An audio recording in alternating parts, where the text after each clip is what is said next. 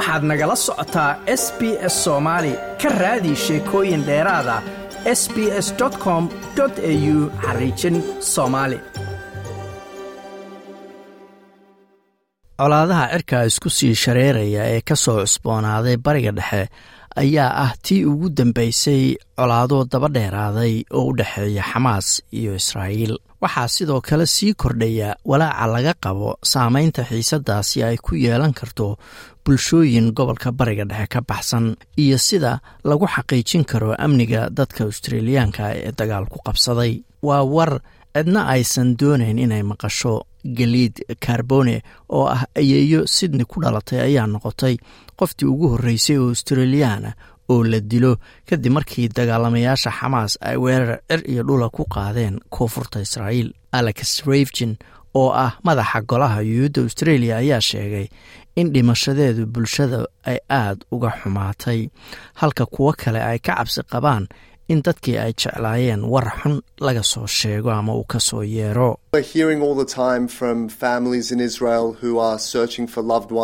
Waxaan mar walba maqlaynaa qoysas israa'iil ku sugan oo raadinaya dadkoodii ay jeclaayeen ama og in xubno qoysaskoodaa la qafaashay oo ay xamaas gacanta ku hayso waana u cabsi qabnaa ayuu yidhi qorshe lagu soo daadguraynayo qof kasta oo australiyaana oo ku sugan israa'iil oo doonaya inuu ka soo baxo halkaasi ayaa hadda la dardargelinayaa sidoni moran oo ah ardayad waxbarasho kala bedelasho ku joogta israa'iil ayaa australia dib ugu soo noqotay iyadoo soo raacday duulimaadyada ama diyaaradaha caadiga ah ee rakaabka.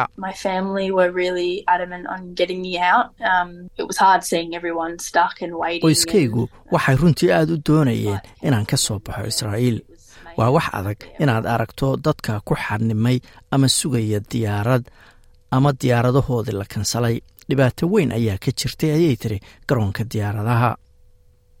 Waxaa weli israa'iil ku sugan dad lagu qiyaasay ama ka badan toban kun oo qof oo australiyaana toddobaadkanna waxaa socday wadahadal lagula jiro shirkadaha diyaaradda ee quantus iyo virgin si ay uga qayb qaataan dadaalada dadkaas lagu soo daadguraynayo.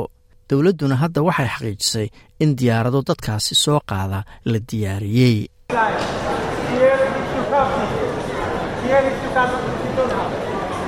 laakiin qof kasta oo doonaya inuu ka faa'iidaysto wuxuu iska diiwaangelin karaa xarun dowladdu ay samaysay oo labaatan iyo afartii saacadood baa shaqaysa.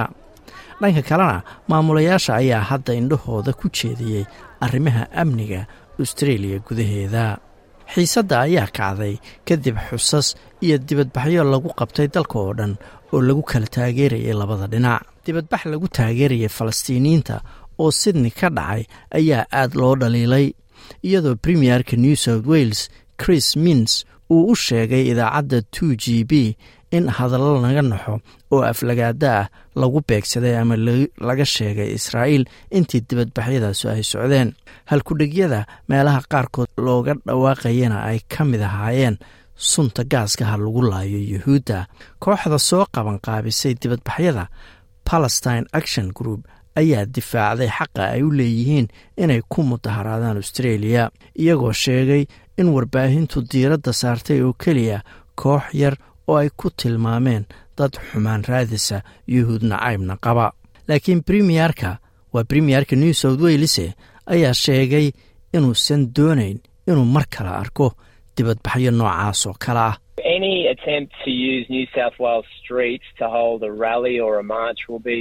Iskuday kasta oo lagu doonayo in waddooyinka new south wales isu soo bax ama dibadbaxyo lagu qabto booliska new south wales waa ay diidi doonaan sida cad ma aha dibadbaxyo nabadeed ayuu yidhi ma yeelayno xaalad xubnaha bulshada yuhuuddu ay amni xumo dareemaan marka ay waddooyinka marayaan.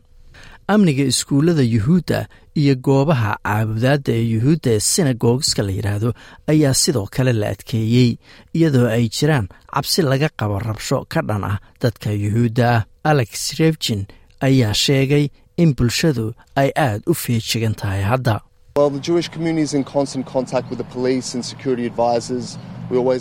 bulshada yuhuuddu si joogto ah ayay booliska iyo la taliyaal amni ula xiriiraan. Dhacdooyinkana mar walba waannu la soconnaa. Khatarahana waannu ognahay.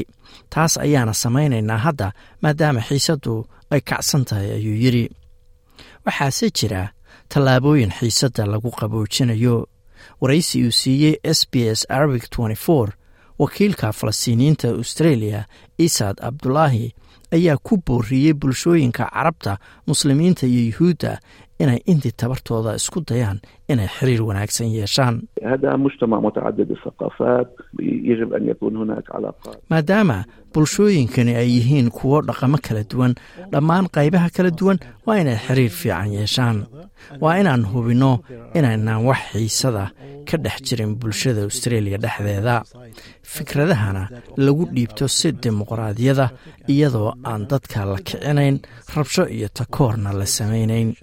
Waxaan rajaynaynaa waa in bulshooyinka carabta muslimiinta iyo yuhuuddu ay wada hadlaan oo is-ixtiraamaan ayuu yidhi ninkaasi. Laakiin maamulayaasha ayaa iyagu xaalad kastooo imaan karta diyaar u ah.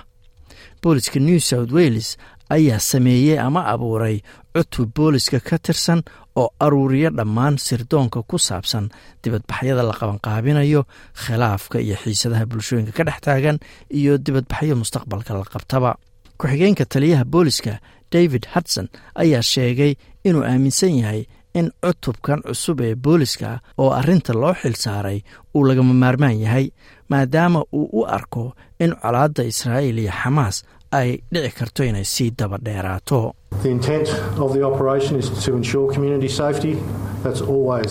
Ujeeddada howlgalkan waa in lagu hubinayo amniga bulshada.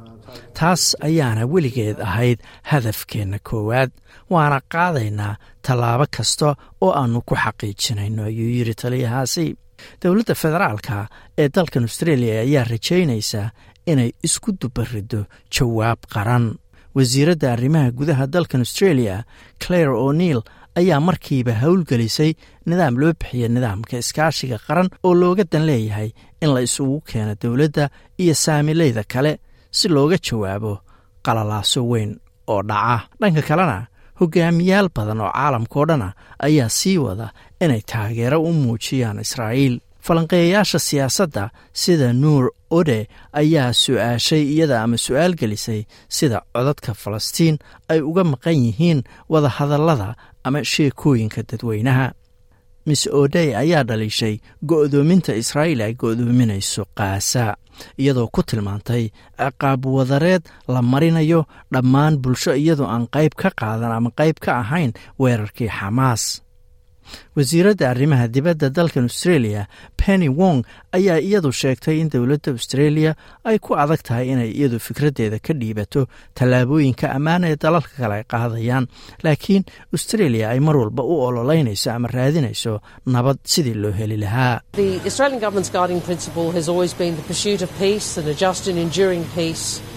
dowladda australia weligeed mabaadi'da hagtaa waxay ahaayeen inay raadiso cadaalad iyo nabad waarta. Xalka labada dal oo awood u siinaya shacabka falastiin iyo israa'iil inay ammaan ku noolaadaan iyaga oo leh xadad caalamku aqoonsan yahay ayay tiri miss wong. Ma doonaysaa sheekooyinkan oo kale ka dhegayso apple podcast google podcast spotify ama meel kasta oo aad bodkastigaaga ka hesho